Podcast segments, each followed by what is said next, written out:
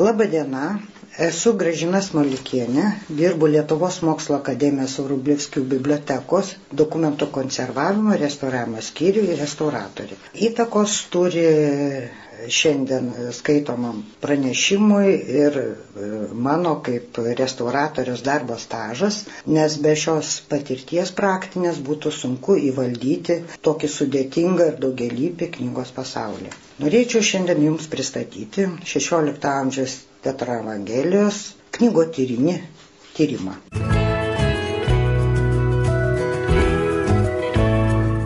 16 amžiaus tetra Evangelijos kūrimosi prielaidos ir apibūdinimas. Pirmaisiais mūsų eros amžiais atsirado daugybė kūrinių bylojančių apie Jėzaus Kristaus gyvenimą, tačiau pamažu buvo atrinktos ir Dievo įkveptomis bažnyčios pripažintos tik keturios knygos. 5-16 amžiui įsitvirtina pozicija, kad Evangelijų visybei netrukdo skirtumai ir apie jas kalbama kaip apie vieną Evangeliją, duotą krikščionėms keturiais dalykais. Šiuo laikotarpiu Evangelijos pradedamos suvokti kaip viena vientisa knyga viena evangelija. Tai yra keturių evangelistų šventojo rašto tekstai apsijungia į vieningą antraštę - tetra evangelija arba keturą evangeliją. Dėl šios sampratos keturių evangelistų tetra evangelija yra šventa knyga, kurios kūrimas griežtai kanonizuotas. Kiekviena religija pagrista daugybė simbolių, turinčių gilę šventąją prasme. Jų aiškinimas atskleidžia pagrindinės doktrinos kanonus ir leidžia suprasti alegorijas, taip skatindama įvertinti dvasinio paveldo vertybių prasme ir reikšmę. Nuo stačiatikio tikėjimo atsiradimo vaizdinys laikomas objektu, kurio negalima keisti. Jų e, kanoniniai vaizdai yra ypatingas savęs atskleidimo bei saviraiškos būdas pasireiškintis šventuosiuose tėvuose. Todėl XVI amžiuje gyvavo, gyvavo privalomos teksto rašto apipavidalimo ir įrišo autoritetinga norma, tai yra visuotinai primta taisyklė, kuris stačiatikybė išlieka dar ilgus šimtmečius. XVI amžiaus Evangelijos tekstus atveria miniatūros su evangelisto atvaizdais. Jie vaizduojami sėdintis ant suolų prie rašomų stalų įrašantis Jėzaus Kristos tikėjimo tiesos liūdėjimą. Jų pozos santūrios ir labai simbolinės. Evangelistų vaizdavimas atitinka istorinį evangelistų kaip rašytojų vaidmenis. Evangelistai pristatomi architektūros fonė su kraštovaizdžio elementais, masyvių antikinių pastatų įvairovėje bei olos fone evangelistas Jonas, akcentuojančios erdvės gilį bei atvaizdavimo atitinkamoje aplinkoje tradiciją. Ši įsitvirtinanti evangelisto vaizdavimo unifikuota kompozicija leido jas pakartotinai perpiešti iš vieno rankraščio į kitą rankraštį. Tetraevangelija pasižymi keturiomis išraiškingomis, bet skirtingomis evangelijos sklandomis inicialinėmis raidėmis ir teksto pradžios pirmąją eilutę išreikštomis skirtingų grafinių ornamentų ir spalvinę paletę. Išskirtinė yra mato Evangelijos asklanda. Jis supiešinė elementais - dviejais vinmedžiais ir dviejomis elnių figūromis, kaip skydininkais laikai, laikančiais didelėje vazoje augantį vinmedį. Tarp vinmedžio šakų persipinė kaspinai su devizu. Tekstas rašytas senąją bažnytinę slavų kalbą, pusiau majuskula šriftu, rašytas juodos ir raudonos spalvos rašmenimis. Tetraevangelijos tekstų struktūros elementai kartu su pintinio rašto antraštėmis išskirtos raudona spalva. 16 amžiaus tetraevangelija buvo rišta į kietą viršelį, aptraukta vientisa oda. Viršelio pagrindą sudaro ažalo medienos lentos, aptrauktos juodos spalvo, spalva dažyta oda, rudo atspalvio. Viršelis aptaisytas žalvarinėmis užsagamis, puoštomis ornamentų, kurios atlieka knygos apsaukinę ir pošybinę funkcijas. Odinio viršelio įspaudų dekoras santūrus ir saikingas. Įspaudų kompozicija komponuota trygubais brėžiais, arabeskomis ir gėlių žiedų motyvais. Bloko formatas infolio, kaip popieriaus lakštas sulenktas per pusę. Bloko lankai tvirtinti prie keturių kanapinių ryšių. Bloko nugarėlė sutvirtinta drobinėmis juostelėmis ir nertų kraštų kaptalais. Bloko lankai sudaryti iš aštuonių lapų. Bloko popierius aukštos gamybinės kokybės su vandenženkliais. Stačiavitikio evangelijų įrišai irgi priskirtini kanonų normai ir turėjo būdingas įrišo savybės.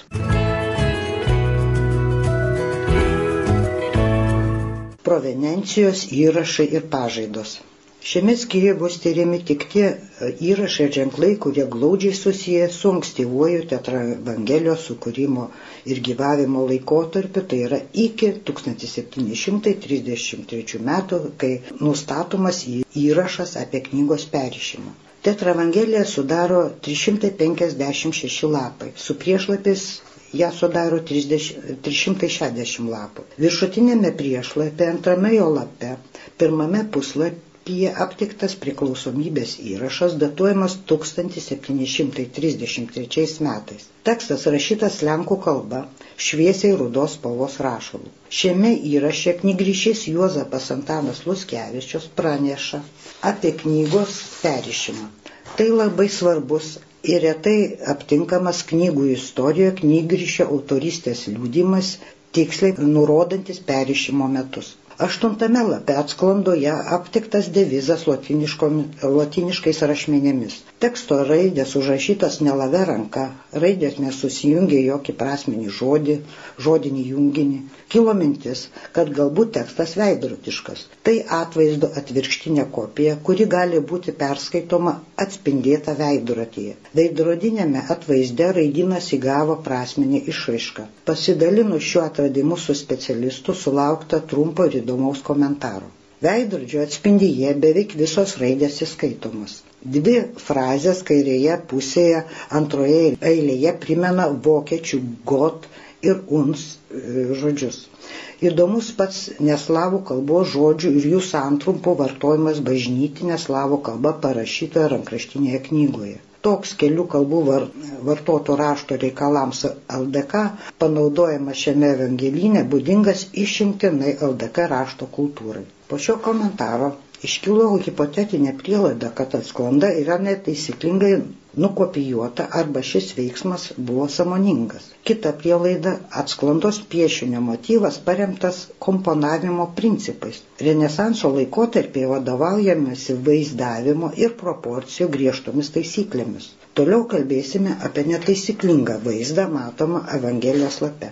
Kiekvienos šalies heraldikoje vyrauja kelios mėgstamiausios spalvos, paprastai inspiruotos valdovo arba valstybės herbų. Lietuvos senojoje heraldikoje daugiausiai rasime raudonų skydų ir sidabrinių arba baltų figūrų. Visi kiti metalų ir spalvų deriniai yra labai, reti, dažniausiai aptinkami iš kitų kraštų į Lietuvą atsikėlusi giminių herbuose. Klasikinėje heraldikoje buvo reikalaujama, kad viename herbe būtų viena arba kelios ta pačios figūros ir nedaugiau dviejų spalvų.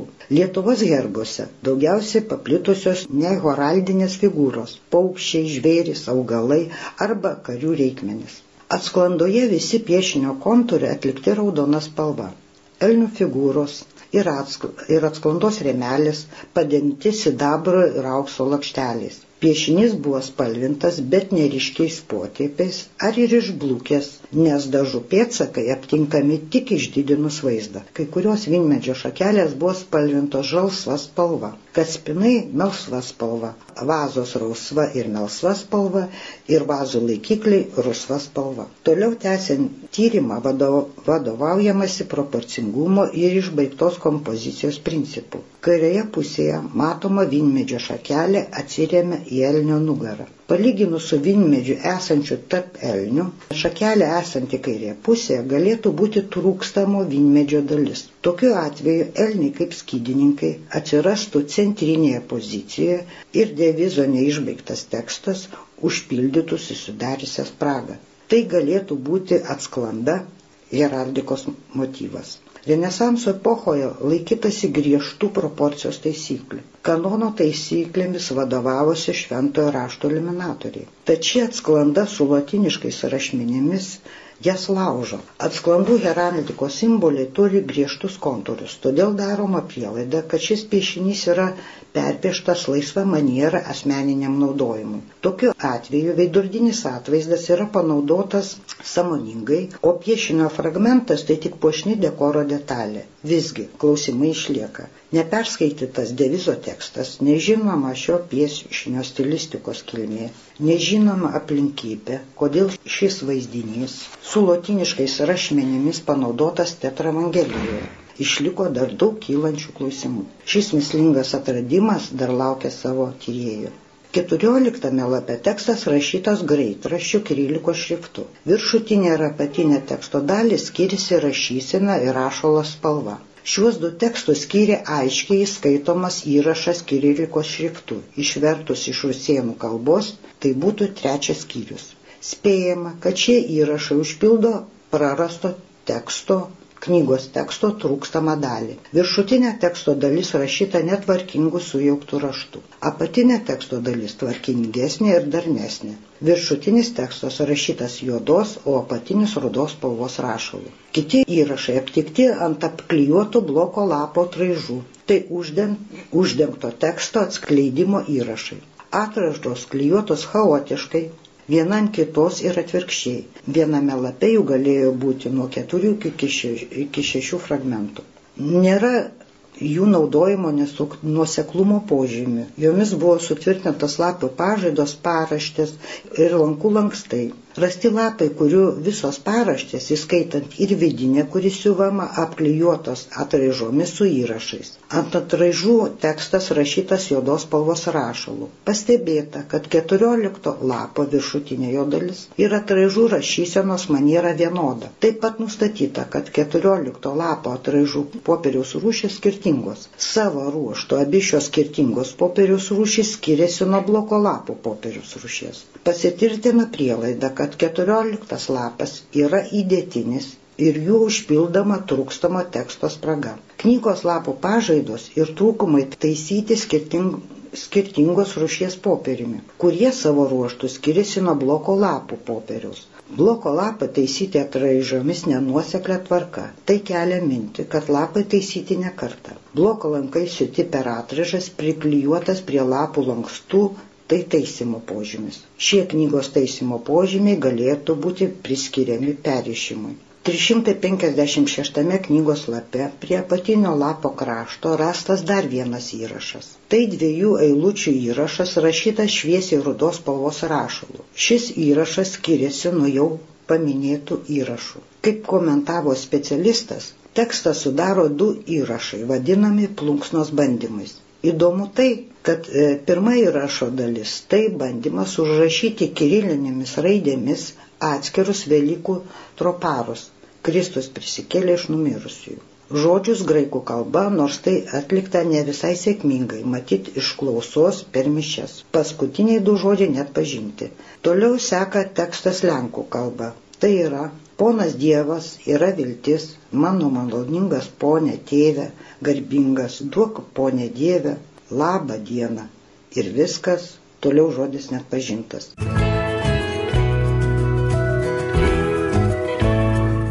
Užsagos. Užsagos dviejų dalių. Jie sudaro kabės ir užkabos. Kabės turėjo istorinį terminą klauzūros.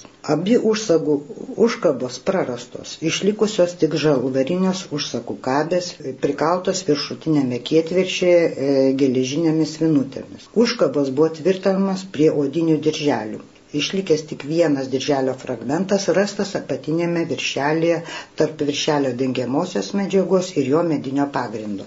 Edmundas Laucevičius savo knygoje teigia, kad užsagos dažnai būdavo naudojamos pakartotinai, o, ka, o kartais ir pritaikintas naujiems įrišams. Tokiu būdu kelių šimtų senumo užsagos atsidurdavo ant naujų amžių knygų įrišų. Kadangi 16 amžiaus Tetaro Evangelija buvo perišta, išliko abejonė dėl užsagų laikotarpio. Taip pat nebuvo aišku, kaip galėjo atrodyti užsakų prarastoji dalis. Šios priežastys paskatino atlikti tyrimą. Visų pirma, buvo peržiūrėti vaizdai paskelbti Edmundo Lausevičios knygoje 15-18 amžiaus knygų įrišimai Lietuvos bibliotekose buvo rastos keturios panašios užsakos. Dvi iš jų datuojamas 16 amžiaus antra pusė, kitos likusios dvi datuojamas 17 amžiaus vidurį. Įdomus pastebėjimas, kad dvi knygos buvo ryštos Vilniuje. Kitas tyrimas atliktas peržiūrėjus devizų Lietuvos mokslo akademijos Vrublevskių bibliotekos rankraščių skyriaus F19, F20 ir F21 pirmo fondų knygas rašytas bažnytinė slavų kalba. Fonduose rasta 11 knygų, kurių užsagų forma bei stilistika primena aprašomas tetravangelijos užsagas. Devynios knygos priskiriamos XVI amžiaus pirmai pusiai ir likusios dvi knygos priskiriamos XVII amžiaus antrai pusiai. Tarp šių knygų išsiskiria XVI e, amžiaus vidurio Palėjos knyga. Tai yra pavadinimas kilęs iš senovės graikų kalbos Senojo testamento pavadinimas, kurios užsagų dekoras labai panašus į Tetravangelijos užsagas. Šis tyrimas atskleidė, kad Tetravangelijos užsagos galėjo būti priskiriamas 16 amžiaus pirmai pusiai ir šiame laikotarpyje buvo paplitusios LDK teritorijoje. Ši užsagų stilistika buvo vyraujanti ir skyrėsi tik atlikimo maniera priklausomai nuo užsakovo arba knygrišio pasiūlos. Išlikusios užsagų kabės nedidelės, pilgos formos, su išpyva viename krašte, kurią užlenko susidaro kabės kilpa užsagai sekti. Kabės išorinė dalis dekoruota figūrinė formos breuna. Tarp dantytų kabių kampų suformuotas banguotas dviejų bangelių pavydalo kraštelis. Vaizdinė kabės plokštuma puošta kombinuoto ornamentu, iškaltų dviem kaltukais Tai liūdė viršutinio kietviršio apatinės kabės ornamento detalė, kuri šiek tiek pasislinkus. Ornamentą sudaro dekoratyvinė dviejų gyjų e, banguota pinutė, tarp rėmelių ir dviejos piramidės formos detalės. Dviejų gyjų bangos e, ornamentas iškaltas lygiai grečiai kilpos, piramidės formos figūros įsidėščiusios virš jos smailėmis nukreiptomis į viršų. Piramidės formos ornamento vidinė erdvė užpildyta smulkiai tokiais vertikaliais brūkšneliais. Viena vienutė įkalta tarp abiejų piramidės formų formos ornamento detalių susidariusioje įgauboje. Kita vinutė įkalta šalia banguotos kabės briaunos tarp kauburėlių išgaubos. Analoginis vinučių, vinučių išdėstymas tampa kabių dekoro dalimi. Ankstyvaisiais viduramžiais knygos lentynoje gulėdavo horizontaliai išorinio bloko kraštų į patalpos vidų. Todėl knygos duomenys buvo rašomi išorinėme bloko krašte. Kiek vėliau, mažėjant knygos formatai, atsiranda užrašai ir apatinėme bloko krašte. Bibliotekose tokios knygos aptinkamos ir šiandien. Senųjų knygų dar vadinamų kodeksais viršelio dekoras vertinamas atsukus išorinę bloko kraštinę į save. Tokiu būdu dvimatėje viršelio plokštumoje per simetrijos ir asimetrijos santyki atsiskleidžia dekoro proporcingumo dermė. Šiuo atveju tinkamas pavyzdys yra išlikusios užsakų kabės. Tai trimačių objektų vaizdavimo būdas plokštumoje. Apžiūrėjus knygą išorinių kraštų atsukusi save, figūrinė kabės forma su dantyta breuna primena stilizuotą pilies bokšto su atiko profiliu. Šį vaizdinį papildo kombinuotas ornamentas iškaltas kabių plokštumoje. Tai aprėminta dviejų e, gyjų banguota pinė, virš kurios kyla dvi šafiruotos, rožuotos piramidės formos figūrėlės. Banguota linija heraldikoje atvaizduojamas vanduo. Vertikalūs brūkšneliai reiškia raudoną spalvą. Siejant kabę su pilies bokšto vaizdiniu, pinė atkartoja vandens bangas.